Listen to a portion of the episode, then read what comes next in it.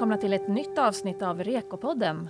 Podden som vrider och vänder på de viktiga frågorna du som redovisnings och lönekonsult bör ha koll på för att sova gott om natten.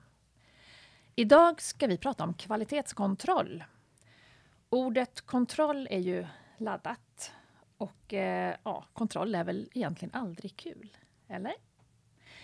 Vi som ska diskutera detta heta ämne är jag, Pernilla Halling, chefredaktör för tidningen Balans. Och eh, med mig har jag Kajsa Drefelt som är ordförande i FARs kvalitetsnämnd för redovisningskonsulter. Hej hej! Välkommen Kajsa! Tack så mycket! Och eh, Camilla Karlsson är också med som är auktoriserad redovisningskonsult och ansvarig för redovisningsfrågor på FAR. Välkommen Camilla! Tack! Eh, alla FAR-medlemmar måste ju genomgå kvalitetskontroll vart sjätte år. Och eh, man måste ju få godkänt för att få behålla sin auktorisation. Men varför ska man kvalitetskontrolleras? Ja, syftet med själva kontrollen är ju faktiskt att säkerställa att man har eh, den här kvalitetsstämpeln som vi vill uppnå i samband med våran kontroll. Vi har ju tidigare pratat om våra fyra hörnstenar som hänger ihop med auktorisationen. Dels är det ju att man ska vara välutbildad, du ska följa REKO, du ska bli kvalitetskontrollerad och vara ansvarsförsäkrad. Så det är ju en viktig pusselbit i eh, själva auktorisationen, just det här med kvalitetskontrollen. Um, men men um, vad är det egentligen som händer? Hur går en kvalitetskontroll till? Eh, ja, man kan väl säga först och främst så är ju syftet att kontrollera det är ju faktiskt att säkerställa att våra medlemmar följer arbetet, att man följer svensk standard för redovisning och lönetjänster och att vi har det här förtroendet som yrket kräver egentligen. Det är ju en jätteviktig del i eh, själva det arbetet. Eh, när vi drar igång processen kring kvalitetskontrollen så först gör vi ett urval, det görs ju här på FARs kvalitetskansli egentligen för att få det här flödet under den här sexårsperioden så att vi kan verkligen fånga alla våra medlemmar. Eh, så det sköts ju helt och hållet där. Eh, det skickas ut ett informationsbrev till de byråerna och de medlemmarna som ska bli kontrollerade så att man får kännedom att eh, man kommer få en kontroll till hösten. Mm, när får man det brevet? Det får man innan sommaren så att eh, det är på gång är på ut, här. ut nu. Mm. Ja. Så att, eh, då vet man att om man får det här brevet då är det alltså kvalitetskontroll under hösten. Mm, och då sker den här kontrollen någon gång mellan september och eh, december. I vissa fall så blir det längre utsträckt till januari. Det kan ju hända saker så att säga som gör att man inte kan ta emot en kvalitetskontrollant. Ja, vad, vad kan det vara för? Ja, det kan vara sjukdom exempelvis. Ja, okay. Mm. Um, och visst är det lite nytt i år, eh, lönekonsulterna? Ja, även de kommer vi ja. kontrollera nu för första gången så att eh, vi har faktiskt suttit här idag kan vi säga i kvalitetsnämnden och eh, uppdaterat lite checklister och även anpassat dem utefter som ska passa både redovisning och lönetjänster. Mm. Men för det är inte samma, kvalitetskontrollerna ser inte exakt samma ut? Jo. Gör de det? Okay. Ja, det gör mm. de. För det är ju faktiskt kvalitetskontrollen innebär ju inte att vi granskar arbetet som är utfört utan det är att man har utfört arbetet i enlighet med en standard. Det är det som är själva kontrollen. Okej. Hur många eller lönekonsulter är det som ska kvalitetskontrolleras ungefär? Är det bestämt? Nej, det är inte bestämt. Eh, så att eh, vi får väl se lite vilka som ligger i pipeline för själva kontrollen. Så att eh, de som blir kontrollerade kommer få information om det. Mm. Och det finns ingen risk att man missar den här informationen. Man, man, man kommer få den per post eller per mail eller hur, hur ser det Per post får man den faktiskt. Ja. Så att, för den sänds ofta till byråledningen och då vet man kanske inte riktigt vem det är så att säga, från Fars kansli som är byråledare. I vissa fall så är det väldigt enkelt, i andra fall är det mycket svårare att ta reda på det. Så därför skickas den då till ledningen. Okay. För att tala om att man kommer att få en kvalitetskontroll. Det, jag antar att det är en hel del som är lite, lite nervösa när det kommer till kontroll. Det, det är ju inte så... Kontroll är väl liksom aldrig sådär jättekul. Men, men kan man förbereda sig så att man, man har större chanser att klara kontrollen? Absolut, det finns eh, först och främst, jag brukar alltid säga att läsa om saker är alltid bra. Så att, och nu har vi en ny REKO för 2018. Det är inte helt fel faktiskt att läsa den. Att mm. gå igenom den och titta, det är en del som är omstuvat och så vidare. Så att man, och sen så lite nyheter i den. Det har i och för sig belysts från FARs sida tidigare. Men det är bra att liksom känna sig uppdaterad.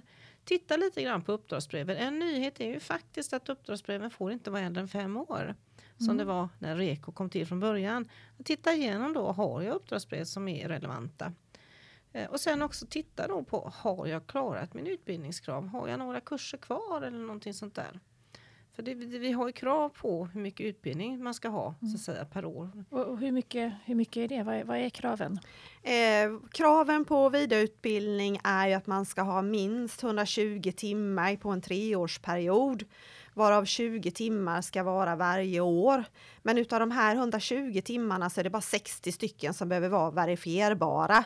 Det vill säga de andra 60 är ju faktiskt att läsa tidningar, läsa tidningen Balans till exempel mm. och andra nyheter som kommer i eh, branschen. Så att eh, 60 stycken ska vara verifierbara så det är viktigt under den här treårsperioden. Och mm. jobbar man just som redovisningskonsult kanske så kanske man skulle prenumerera på Bokföringsnämndens hemsida så man får lite information därifrån, alla nyheter som kommer. Och sen finns det ju en del när det gäller lönekonsulten, när det gäller nya fackavtal och sådär, att man liksom har koll på det där. Det är också ett sätt att vidareutbilda sig. Mm.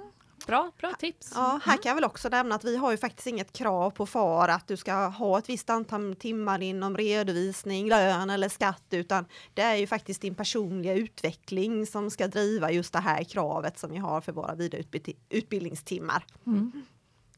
Ja, men eh, man kan ju alltid lära sig av fel också. Och vad är, vad är det för fel och brister ni har upptäckt eh, tidiga, i tidigare kontroller? Eh, ja, genom åren så har vi vissa, vissa saker där genomgående. Eh, och eh, en sak som vi har som är då, det är alltså det brister i uppdragsbreven. Att man har inte uppdaterade uppdragsbrev. Man har kanske inte rätt allmänna villkor till de där. Och framförallt inte att uppdragsbreven, uppdraget har utökats under perioden. Men man har glömt att uppdatera uppdragsbrevet. Så jag brukar säga att även om ett uppdragsbrev gäller i fem år så är det bra att ta fram det varje år och titta liksom stämmer det nu med vad vi faktiskt har kommit överens om med kunden i det här fallet. Det är, mm. ett det är en sak.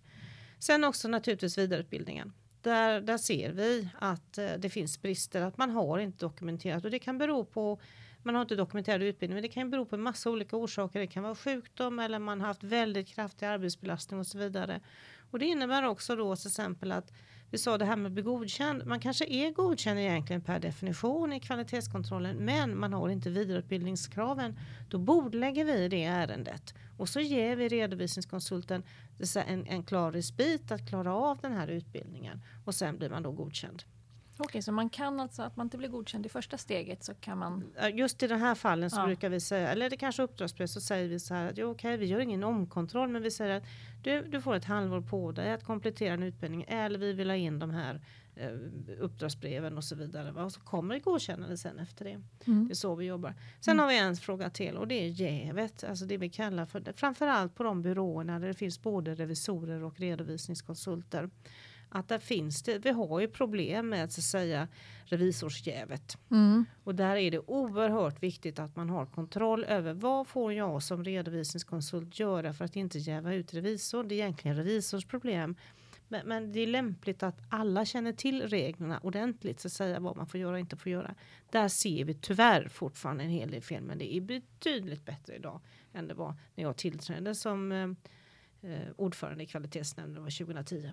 Mm. Men Kajsa, där är det väl också viktigt att man har bra riktlinjer och rutiner på redovisningsföretaget så att jag verkligen vet som konsult vad jag har att förhålla mig till. Absolut, det är oerhört viktigt att man, att man har kontroll över det. Bra riktlinjer och rutiner hjälper att säga, då har man någonting att falla tillbaks till. Kan jag göra det här eller kan jag inte göra det här? Och alltid ställ frågan. Mm. Så att det kan vara lite knepigare på en byrå där det finns både revisorer och redovisningskonsulter. Alltså. Absolut. Alltså. Mm. Så då gäller det att ha lite extra koll. Mm. Um, men vad, vad, den här dagen när det är, är dags, um, vad är det som händer då när kontrollanten kommer till mig och min byrå Ja, det är väl en spännande dag tycker jag många, eller, eller inte. Ska man bjuda på kaffe och bullar?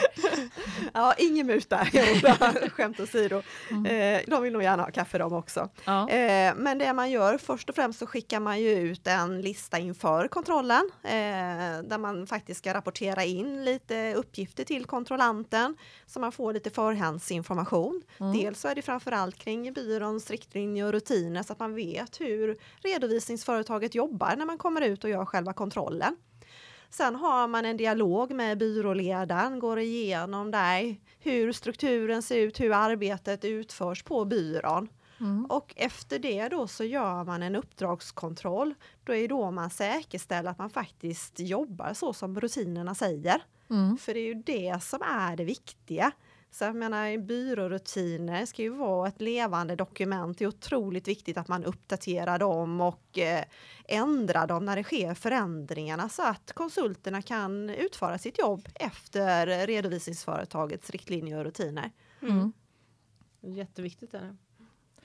Finns det någon, någon siffra på ungefär hur många som, hur stor andel som blir godkända i kvalitetskontrollerna?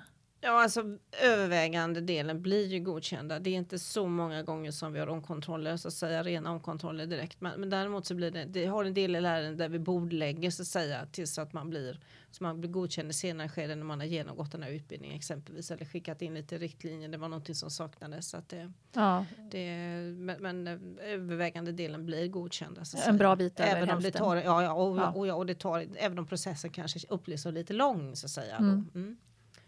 Det måste jag säga. Eh, men, men vad händer då om man, om man liksom får godkänt även om man liksom inte får godkänt? Om man blir underkänd? Ja. Om man blir underkänd. Precis. Ja, ja, då får man en omkontroll. Ja, och om man då inte klarar omkontrollen? Ja, då, blir det lite, då kan det bli lite jobbigt så att säga. För då blir man ju faktiskt hänvisad till det som vi kallar för disciplinnämnden. Okej, och vad händer då? Ja, och det är ju det är en, svart, det är en svart box, vet du. Nej, jag bara okay. skojar. uh, nej, i disciplinnämnden, och det har ingenting med kvalitetsnämnden att göra så att säga, utan där är det så att de, de bedömer så att säga om, om man ska ge en erinran eller en varning så att säga, till den här redovisningskonsulten. För att det ska mycket till för man blir underkänd två, två gånger i rad. Va? Ja. Det, det, och det, den här omkontrollen sker ju då inom ett år mm. om man blir underkänd. Det kan vara att man blir underkänd för att det saknas riktlinjer och rutiner helt och hållet. Och ja. på en byrå som kanske har en fem, sex medarbetare, då finns ingenting. Och då blir man underkänd direkt så att säga. Ja. Eh, och då får man ett år på sig egentligen att, att snappa upp det här och göra det klart. Mm. Och då kommer kontrollanterna tillbaks. Det är en annan kontrollant som kommer och inte samma kontrollant. Då kommer en annan kontrollant och eh, går igenom det och tittar på det och mm. sen så kanske man blir godkänd. Mm. Så det ska mycket till så för att hamna i disciplinnämnden då. Okay. Och skulle det vara så att man vägrar att genomgå kvalitetskontroll, ja då, då är det så att då, då, då måste vi i Fors kvalitetsnämnd meddela styrelsen detta. Så att då blir man egentligen utesluten och det är ju tråkigt. Ja, det, det, är lite tråkigt. Det är ju inte därför man har gått upp och skrivit i sin auktorisation en gång i tiden. Nej. Nej. det är ju inte det. det. Det handlar ju om att, eh, det är ju, mm. men det är tack och lov är det enstaka, enstaka fall. Ja. ja. ni har inte många ärenden heller som landar i disciplinnämnden? Nej, nej, nej, nej, nej, ett om året kanske. Ja. Mm. mm. Ni var lite inne på det innan, men just sjukdomar och andra saker. Så man kan alltså få, jag tänker om man har omkontroll inom ett år och man drabbas av massa saker under det här året, dödsfall, sjukdom och sånt. Ja, ja, kan man få lite dispens absolut, med? Absolut, eh, det är inte eh, självfallet, men när skriver man ett brev in och talar om så här i mina förhållanden nu, jag, jag klarar inte av det här, så självfallet, det, mm. det tar vi i beaktande. Vi, vi är ju människor. ja. Och det är ju likadant med mamma och pappa ledighet när ja, man tittar ja, på vidareutbildningskraven och de bitarna där också får vi också frågor ibland att hur gör jag? Jag ska vara hemma med mina barn men det som sagt var, vi är ju rätt så snälla där. Ja, det måste, nej, men det måste man ju vara. Alltså, vi får ju anpassa oss efter verkligheten hur det ser ut. Ja, men det, mm. det låter betryggande. Um, det, man, man hör ofta orden kvalitetskontroll och kvalitetssäkring eh, i, i sammanhangen. Vi har varit inne på det. Men vad, vad, är, eh, vad är, kan man säga klart skillnaden? Oh ja, det kan man göra. Alltså kvalitetssäkring, det är byråns interna rutiner för att man ska säkerställa att det arbetet som man gör på byrån, exempelvis om man nu gör ett löneserviceuppdrag eller ett bokslutsuppdrag eller löpande redovisningsuppdrag, att det blir korrekt utfört. Det handlar så att säga om att säkra så att det som jag som byråledare då levererar ut eller det som mina medarbetare levererar ut, det är korrekt. Bland annat ibland kan man säga så här, fyra ögons princip kan vara lämpligt att ha.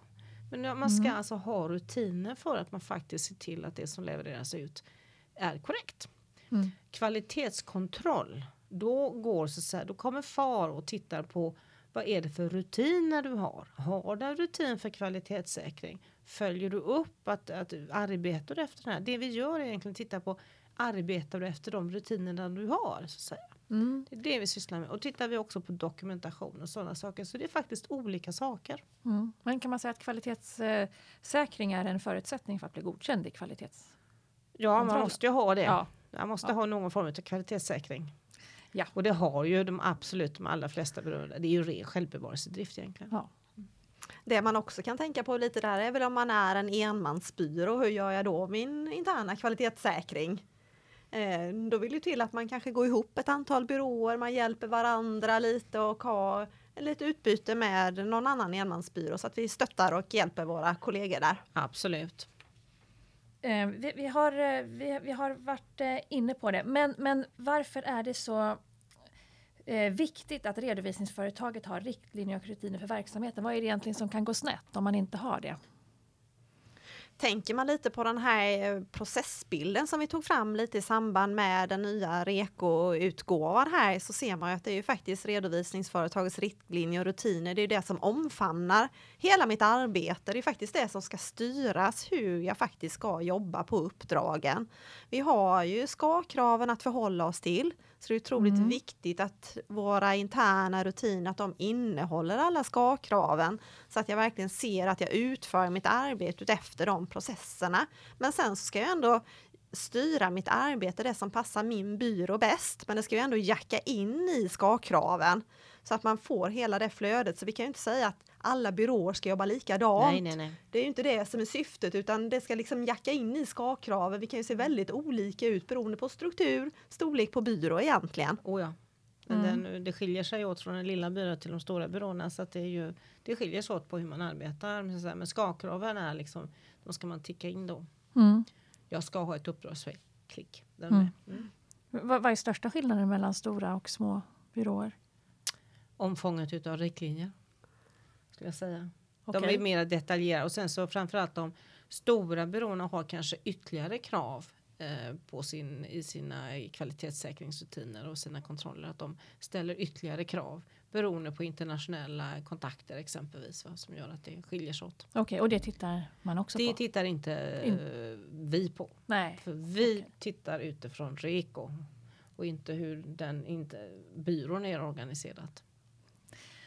Um, ja, men när man kommer till REKO då Camilla, vi pratade ju om REKO i, uh, det var i första REKO, i första REKO-podden pratade vi om nya REKO. Mm. Vad är det särskilt man ska eh, fokusera på i REKO för att uh, klara kvalitetskontrollen? Nej, det är ju faktiskt de här ska-kraven som vi var inne på nu precis. Det är ju faktiskt det vi kontrollerar i en uppdragskontroll egentligen. Det är ju att man har ska-kraven på plats. Eh, så det är ju det vi gör när vi tittar på ett uppdrag. Har vi alla de här olika delarna? Dels från när vi börjar anta ett uppdrag, antaga en omprövning av ett uppdrag är en otroligt viktig del. Mm. Vi har ju uppdragsavtalen, vi har förståelse av kundens verksamhet och utförande, rapporteringsprocessen. Så hela de här, alla ska-kraven är ju faktiskt, de följer vi upp i en kvalitetskontroll. Så det är viktiga pusselbitar att ha på plats. Mm. Eh, men en del tror jag att vi går in och kontrollerar, som du var inne på där Kajsa innan, att vi kontrollerar specifika hur man har upprättat en årsredovisning. Har vi med alla redovisningsregler? Hur har vi Ska vi titta på verifikation eller ska vi titta på någonting annat? Och det är ju inte syftet med en kvalitetskontroll. Nej, det är mer syftet på en kvalitetssäkring. Mm. Um, ni, ni, berörde det lite nu, men um, missuppfattningar om kvalitetskontrollen, apropå det här med att det är lite läskigt att man kommer ut och blir, eller någon kommer ut och kontrollerar den. Vad finns det mer för missuppfattningar om kvalitetskontrollen? Tror ni? Ja, vad ska man säga där egentligen? Eh? Ska du nog fråga medlemmarna. Okay. Hur de uppfattar ja. kvalitetskontrollen. Det kan vara en ja. annan podd. Ja, det kan vara en annan podd. Men det jag tycker egentligen man ska ha med sig, man ska ju faktiskt se den här dagen som rätt så lärorik när det kommer ut en kvalitetskontrollant. Eh, man kan ju få rätt så mycket stöd och stöttning också mm. Eh, i sitt arbete. Man kan få lite tips, tricks hur man faktiskt skulle kunna eh, utföra vissa delar på ett mer effektivt sätt, hitta andra vägar att gå så att eh, dra nytta av den här dagen när ni har er kvalitetskontrollant på plats. Mm, för, eh, De är där för att hjälpa, inte stjälpa. Mm. Är det ofta folk eh, tar det tillfället i akt och frågar och, om, om hjälp och tips? Ja, det, det, tror jag alltid att det är och framförallt har ju kvalitetskontrollanterna många gånger lämnat säga, gått igenom med och, och, kommit med förslag som de sedan dokumenterar ner och lämnar liksom till företaget där de har varit och kontrollerat och sagt här är lite tips till dig att tänka på. Så där. Det är inget krav på Ireko men det kan vara bra att göra så att säga, för din egen. För det handlar om risk egentligen. Mm. Det handlar om att bedöma risk och eliminera risk. Just det, så kontrollen är ju inget, har ju inget syfte i sig. Det är för att man ska få en, ha en bra verksamhet. Nej, men alltså, ja, ja, ja. Det, REKO är för att eliminera ja. risk och ge ett bra, så att säga att man också vet då att man jobbar enligt en viss standard och upprätthåller en hög kvalitet. Det är det det handlar om. Men en del i REKO handlar även om att eliminera risk för mm. redovisningskonsulten. Ja. För det här ordet, jag är bara den som bokför. Det finns inte hos en auktoriserad redovisningskonsult eller auktoriserad lönekonsult. Det finns inte det. Och framförallt så ska det vara en trygghet för kunden också. De ska ju faktiskt känna att de får en viss kvalitet på sin leverans Klart. i samband eh, mm. när man anlitar den som är auktoriserad. Det ska, där ska det visa sig skillnad och just det här att man verkligen är stolt över att man blir kvalitetskontrollerad också. Ja. Det är en form av en kvalitetsstämpel. Som Sen är... får man ett diplom också. Ja, ja, som man kan mm. sätta upp på väggen eller? För i samband med kontrollen så mm. förnyas ju auktorisationen. Ja. Mm. Um, de här kontrollanterna då? Vad, vilka är de? Ja, de är auktoriserade redovisningskonsulter som dessutom har, själva har gått igenom kvalitetskontroll. Mm. Det, får, det är ett absolut krav och de ska vara godkända då naturligtvis. Ehm, mm. Så att, eh, och de är vana, drivna auktoriserade redovisningskonsulter som har mycket kunskap med sig ut. Mm. Och som kanske har en annan bakgrund eller tänker på ett annat sätt. Och det är alltid bra att ha liksom fyra ögon som tittar på någonting. Mm. Om eh, jag vill bli eh, kvalitetskontrollant, vad, vad gör jag då? Ja, du kan ju faktiskt ansöka om att bli kontrollant. Vi eh, efterlyser ju lite mer kontrollanter emellanåt. Det gjorde vi här under ja. våren så hade vi nog någon liten mm. artikel om det också. Så att det är egentligen att skicka in ja, lite kort beskrivning om sig själv, ett CV egentligen, att vad, hur man jobbar och hur, vem man är egentligen. Mm. Och sen så är det nämnden som beslutar om man är lämplig eller inte. Mm. Och gärna någon rekommendation är ju alltid bra också att ha när man ska bli kvalitetskontrollant. Ja. Mm. Och vart skickar man det? Skickar man till FAR? Till FAR? Ja. ja. Och, um, um, och får, man, uh, får man någon ersättning? Hur fungerar det? Är det Mm, det är ju faktiskt så när man ska ut och kvalitetskontrollera, då skriver man faktiskt ett uppdragsavtal med den byrån som man ska eh, kvalitetskontrollera. Mm. Och eh, kontrollanten fakturerar den byrån det arvodet som kvalitetsnämnden har beslutat för det året. Så att eh, man blir arvoderad för det här jobbet då. Mm. Och det är väldigt, väldigt spännande och kul att vara kontrollant. Det... Ja, du har ju varit det så att du vet ju. Mm. Det låter spännande. Um, vet ni ungefär hur många redovisningskonsulter och lönekonsulter som den här hösten kommer att kvalitetskontrolleras? Ingen aning. Än. Nej, det är inte klart ännu. Nej. Men uh, håll, håll utkik i brevlådan. Precis. Um, om, om du får ett brev. Ja. Mm. ett van, vanligt, vanligt, uh, en vanlig post, ett vanligt kuvert alltså. Precis. Ja. Um, det är ju, finns ju säkert väldigt mycket att prata om när det gäller kvalitetskontrollen. Eh, men tiden går här och eh, vi kanske får anledning att göra fler poddar på detta ämne. Eh, och tack Kajsa för att du kom hit. Tack. Och tack Camilla Tack så mycket. Jag kan väl också bara kort nämna att det finns ju faktiskt rätt så mycket information på vår hemsida också om kvalitetskontrollen. Så är ni mer intresserade så gå in och läs lite information där också. Ja, gå in mm. på far.se så finns där säkert allt man behöver veta. Egentligen nästan. ja. Mm. Ja, självklart. Ja. Och tack så jättemycket alla ni som har lyssnat. Vi hörs. Hej hej. Hej hej. Hej.